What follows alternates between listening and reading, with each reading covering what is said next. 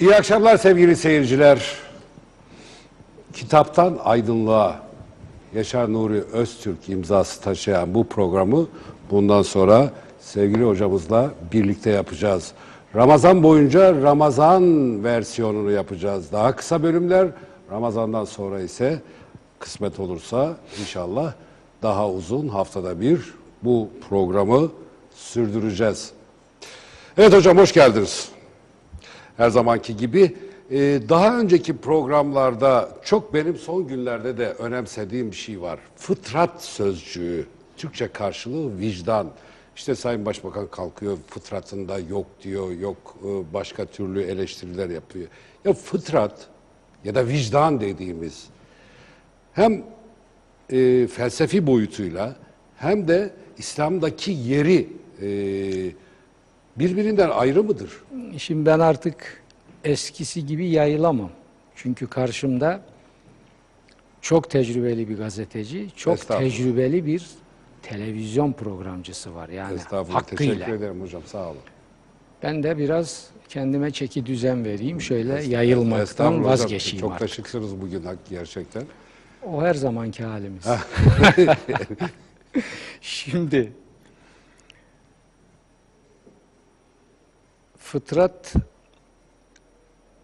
Kur'an'ın kullandığı tabirlerden biridir. Bir Kur'an terimidir. Ve fıtrat kelimesini Kur'an İslam'la ve vicdanla eş anlamlı kullanır. İslam bir fıtrat dinidir denir. Tabi bunun ilk çağrıştırdığı şey Peygamberimiz tarafından da açıklanmıştır. İnsanın doğuştan özgür ve temiz olmasıdır. Yani mesela kilisedeki gibi ezeli günah denen bir kamburla dünyaya gelmez. İlk dışlamak istediği budur Evet. her doğan fıtrat üzere doğar diyor Peygamberimiz. Küllü mevludin yuledu alel fıtrati. Sonradan bozulmalar olur. Dikkat edin. Kilise teolojisinde bunun tam tersi geçerlidir. Sırtınızda kamburla, zelle-i asliye denen ezeli günahla, peşe orijinal veya original sin İngilizcesiyle dedikleri o günahla gelirsiniz. Şimdi Kur'an diyor ki insanın ezeli günahı filan yok. Hazreti Adem'indi günah. Günahın şahsiliği esastır. Allah da Adem'in günahını zaten affetmiştir. Affetmese de başkasına intikal etmezdi. Evet. Bir, şimdi fıtrat temiz vicdan demek. Bozulmamış vicdan demek. Bana sorarsanız, bunu Ayşe Özgün sormuştu, söylemiştim yıllar önce. Çok da dikkat çekmişti. Bana göre fıtrat Kur'an'dır. Veya Kur'an fıtrattır. Eğer siz Kur'an'ın saygı duy dedikleri şeylere saygı duyuyor,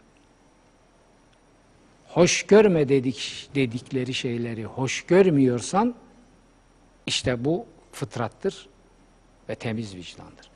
Senin Çok özür dilerim. Oraya bir şey söylemişim. Felsefede vicdanı yani fıtratın karşılığı sözcük olarak tabii felsefe an- fıtrat kelimesini kullanmaz. a- Orada hayır, vicdan a- ama vicdan ayrı bir duygu, evet. Şimdi onu diyorum fıtratla vicdan arasında bir fark nedir? Bir yerde fıtrat vicdan kendisi diye de e, tanımlanabilir. İçsel ses, öz, temiz içsel ses. Yani hiçbir dışarıdan e, ilave almamış, hiçbir şey olmamış. Ama tarif ederken de bir de bazen baş kaldırılır Şimdi diyor. felsefeden gidersek şöyle verebiliriz onu. Vicdan vicdan özgür bireyin fark ediş gücüdür. Fark ediş kabiliyetidir, yetisidir. Bir defa özgürlük yoksa vicdandan söz etmek mümkün değil. Çünkü özgürlük yoksa işe riya girer. Riya girdi mi vicdan zaten bombardımana uğramış demektir. İslam dünyasında niye vicdan yok? Şimdi çok kaotik bir durum. Çok problematik bir durum, çok dramatik bir durum. Şu, Allah'ın iradesi insan hayatından riyakarlığı temizlemek olmasına rağmen insanlık dünyasında tarih boyunca riyayı besleyen kurumlar dinler olmuştur. Neden? Dini temsil edenlerin yaptıkları baskılar insanları riyakar olmaya mecbur bırakmıştır. Şimdi geçen gün bana bir şey gönderdiler e, e-mailime. Aç bir izle bunu diye. Adam oturmuş Ebu Cehil kıyafetiyle Ebu Cehil kıyafetiyle, Arap Ebu Cehil kıyafetiyle suratından pislik akıyor. Başka nasıl tarif edebilirim? Dehşete düşüyorsunuz. Diyor ki namaz kılmayanlar Müslüman imanı taşısalar da bunlar tövbeye davet edilir. Tövbe etmezlerse katledilirler. Katli vaciptir demek istiyor. yani. Evet katledilirler diyor. Allah Allah. Evet. Yani Allahsızlığın bundan daha formüler bir ifadesi olamaz. Dinsizliğin bundan daha berbat bir ifadesi olamaz. Bu adam bunu din adına yapıyor. Çünkü o camide kurdukları Emevi'den tevarüs edilmiş saltanatın sürmesi için bunun yaşatılması lazım. Bu da bu fıtrat gereği. Şimdi bir dakika. Şimdi siz böyle bir din koyarsanız ortaya. insanlar ne yapacak? Şimdi bu bu suratından pislik adan, akan adamın dediğine göre bırakın öbür dünyayı. Yani 7 milyara yakın insanın bir defa 6,5 milyarının katledilmesi lazım. Onu bırakın da Müslüman dünyadaki nüfusun yüzde yetmişten fazlası katledilecek. Çünkü yüzde yetmişten fazlası namaz kılmıyor. Allah teşvik ediyor. Temel ibadetlerden biri olarak namazı öne çıkarıyor. Tamam. Ama insan hakları ile ilgili bir cürüm olmadığı için namazın terki ona ceza tertip etmiyor. Ceza tertip etmiyor. Ceza ancak insan hakkı ihlallerinde, cürümlerde, zulümlerde söz konusudur. Şimdi bunu dincilik zebanileri tersine çevirdiler. İnsan hakları ile ilgili cürüm ve zulümlerin üstünü örtüyor, onlar yokmuş gibi. Mesela Maun suresi cürümleri, tamamı insan hakları ihlalidir. O hakları ihlal edenleri Maun suresi namazlarıyla lanetliyor. Namazları lanet olur diyor. Bu yanda ise tam tersini söylüyor adam. Onlardan hiç bahis yok. Yani bir adam ırza geçer, kamuyu soyar, Hırsızlık milleti yapar. soyar, hırsızlık, hırsızlık ki hepsini yapıyorlar zaten. Akla ne gelirse hepsini yapar. Onunla ilgili katil matil fetvası yok. Ama namazı terk ederse yani Kur'an'ın dediğinin tam tersi. Bunu Emevi yaptı. Niçin? Muaviye dini namazdan ibaret hale getirdi ve bunun içinde bütün halkı camilerde bloke etti. Beyinlerini yıkamak üzere. Çünkü camilere koyduğu imamların tümü Arap ajanıydı. Emevilerin ajanlarıydı. Arap olmayan bir adamın camide namaz kıldırması, imamlık etmesi söz konusu değildir. Hasan-ı Basri gibi, Said bin el-Müseyyep gibi, Said bin Cübeyr gibi bugün İslam din ilimlerinin olmazsa olmaz önderleri olan adamlara namaz kıldırma yetkisi vermemiştir Emevi. O devrin adamlarıdır. Zaten e, siz de kitaplarınızda belirtmişsiniz. İslam Emevilere kadar olan ve Emevilerden sonraki süreçte yozlaşma sürecinin başladığını bütün e, sizden okuduğum kitaplarda öyle diyorsunuz.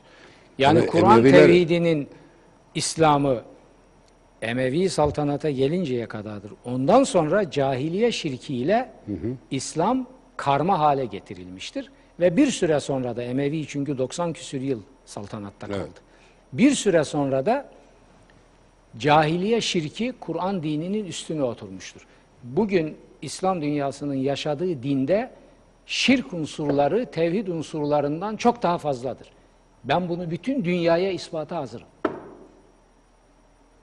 Fıtrat da burada değişiyor. Aa, İslam'ın fıtratını dejenere ettikleri için Kur'an vicdan olmaktan çıktı. Çıkınca Müslümanın fıtratı da Kur'an'ın vicdanı olmaktan çıktı.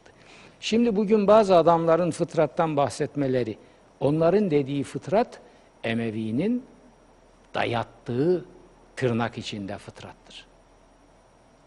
Bir adam haram yiyip halkını soyup sonra sebep olduğu zulümlerle bir de mesela Soma'da 300 küsür insanın nahak yere 301 insan evet. Dedikleri en az 301. 301 evet. Ben daha fazla olduğu kanaatindeyim. Her neyse. Ve ondan önce ölenlerin hepsi, hepsi o ihmallerle öldü gittiler. Bunların katillerini aklamak için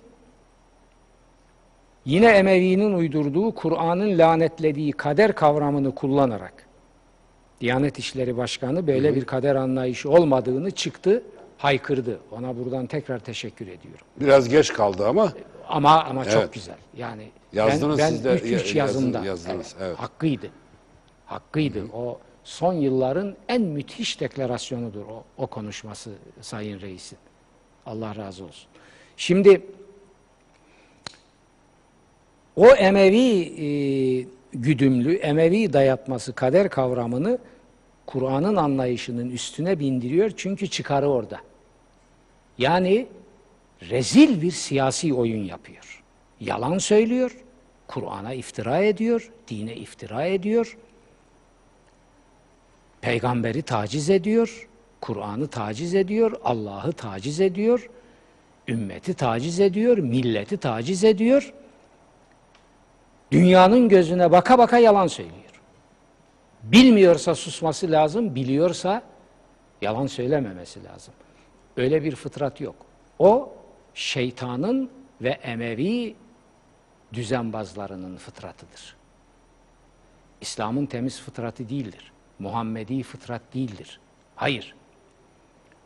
Siz ihmalleriniz yüzünden katledilmiş, şehit olmuş, masum, karnını doyurmak için zaten karnını, çoluk çocuğunun karnını doyurmak için uğraşırken ölenler peygamberin ifadesiyle hükmen şehittirler.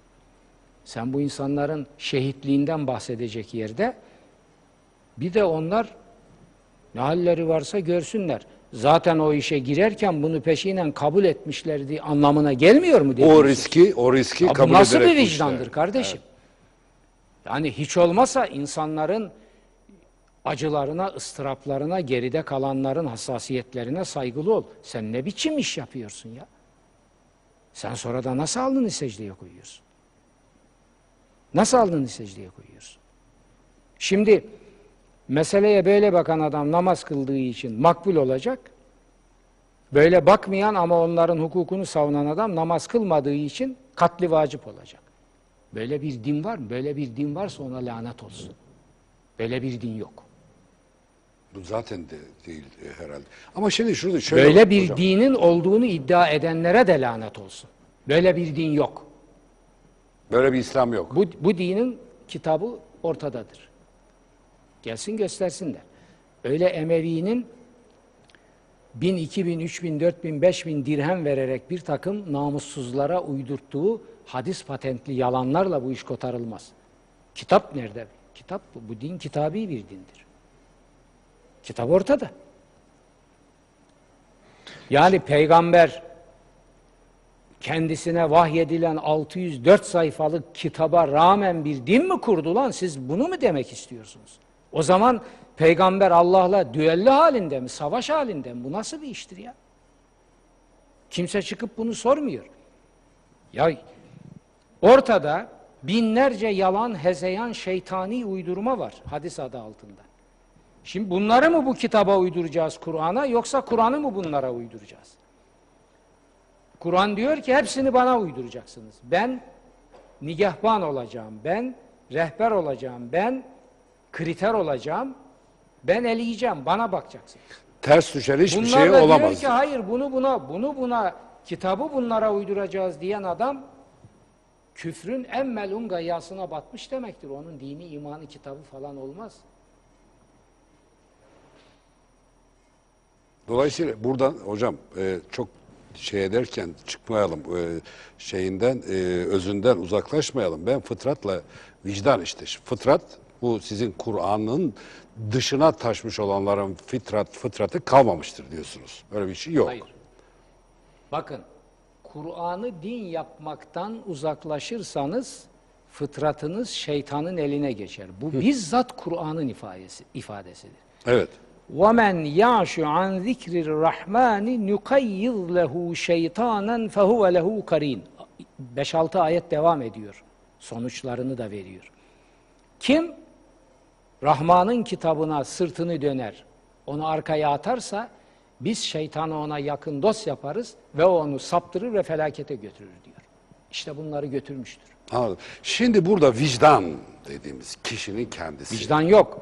Şimdi hiç dinle, imanla irtibatı olmayan İdris Bey adamlar biliyorum ben. Hatta ateist olanları var.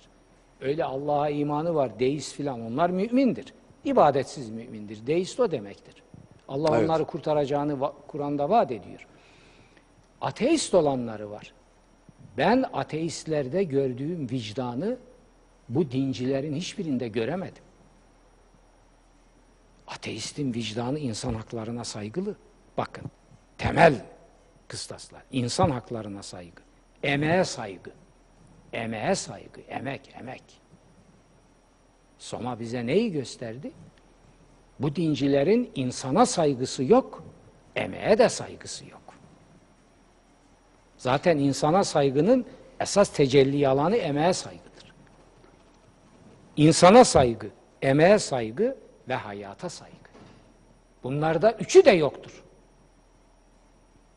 Tarih boyunca olmamıştır ve hiçbir zaman olmayacaktır. Onun için ben bütün insanlığa, bütün insanlığa 30 yıldır şunu söylüyorum. Ey insanlık, senin en büyük tehdidin ve en büyük belan dinciliktir. Tarih boyunca böyle oldu, bugün de böyledir. Bunu bil ve buna göre tedbirini al. Bundan merhamet bekleme, bundan uzlaşı bekleme, bundan anlayış bekleme. Bunun yüreği kara yürektir. Bunda vicdan diye bir şey yoktur. Bunun Allah'ı da dinlerin anlattığı Allah değildir. Kendi menfaatinin şefidir. Ya daha nasıl diyeyim? Doğru. Peki hocam, e, vicdan insanın tekamülüyle eşanlı değil midir? Yani düşünün çok dar bir çevrede, bir dağ köyünde doğmuş, büyümüş, çevresi küçük bir yerde yetişmiş ve orada aldığı terbiyeyle vicdan sahibi olmuş birisiyle bir kentte inanılmaz yaşam mücadelesi veren, bedeller ödeyen, olmadık badirelerden geçen bir insanın vicdanı hem eğitim bakımından, aldığı kültür bakımından hem de çevresi bakımından farklılık arz etmez mi? Eder. Vicdan da iman gibidir. Zenginleşir bilgiyle, kültürle, çevreyle, katkılarla zenginleşir. Fakat cevheri, cevheri aynıdır. İman da öyledir. Yani mümin inandı mı o cevher oluşur. Ama bilgi artı eylemler, hizmetler onu zenginleştirir. Bunu ifade için denir ki bizim e, akaid kitaplarımızda çok doğrudur. İmam-ı Azam'a dayanır bu. Bu işin de önderi İmam-ı Azam'dır. Çünkü bizim Kur'an dininin Kur'an'a uygun manifestosunun yapıcısı, hazırlayıcısı da İmam-ı Azam'dır.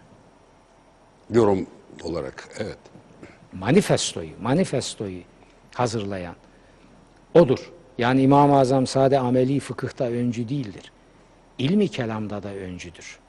Ne demek o ilmi kelam? Yani teolojik esasları koyan disiplin demektir ilmi kelam. İslam teolojisi, İslam'ın felsefi yapısını sistemleştiren e, disiplin demektir. Onun da öncüsü İmam-ı Azam'dır. Bakın İmam-ı Azam'ı dinsiz, imansız, müşrik, kafir, Yahudi her şeyi ilan ettiler ama tarihin ve Tanrı'nın ona verdiği bu muhteşem unvanı, yetkiyi onun elinden alamadılar. Yani Neler yapmadılar İmam-ı Azam'a? Sonunda kader getirdi. Ona bu zulümleri yapanlara bu en büyük imamdır. Bizim itikatta da amelde de öncümüzdü dedi. İslam dünyasında en büyük mezhep hangi mezhep? Evet. amelde İmam-ı Azam mezhebi. Ha, ha şimdi İmam-ı Azam'ı bizim önderimizdir diyenler ne kadar takip ediyorlar? O ayrı. Yani Sünniler. İmam-ı Azam diyor, mezhep imamımızdır. Yalan söylüyor. Bugün ehli sünnet dedikleri camianın İmam-ı Azam'ın karşı çıktığı ve mücadelede canını verdiği Emevi despotizmine karşı çıktığını görebilir misin? Bir yandan Muaviye'yi peygamber mevkiine koyuyorlar. Hazreti Muaviye diye. Öbür yandan da İmam-ı Azam ehli sünneti diyorlar. Ya bu imansızlığı bırak, bu namussuzluktur.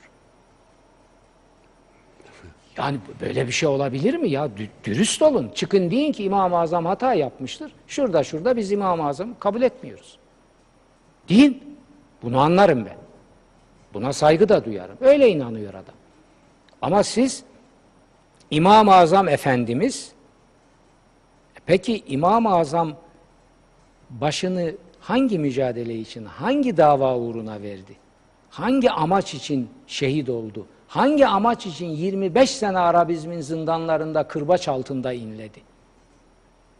Lan bunlar tarih, bunların bir cevabı var. Şu cevabı gelin konuşalım. Biz onlara karışmayalım. Onlar olmuş bitmiş. Nasıl olmuş bitmiş ya? Olmuş bitmiş ama eseri devam ediyor.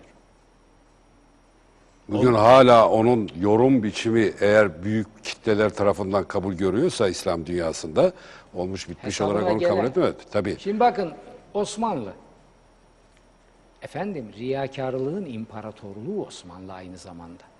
Benim ecdadım çok saygım var. Tabii ki koca bir imparatorluk fasafiso üstüne oturmuyor. Onu ben kabul ediyorum.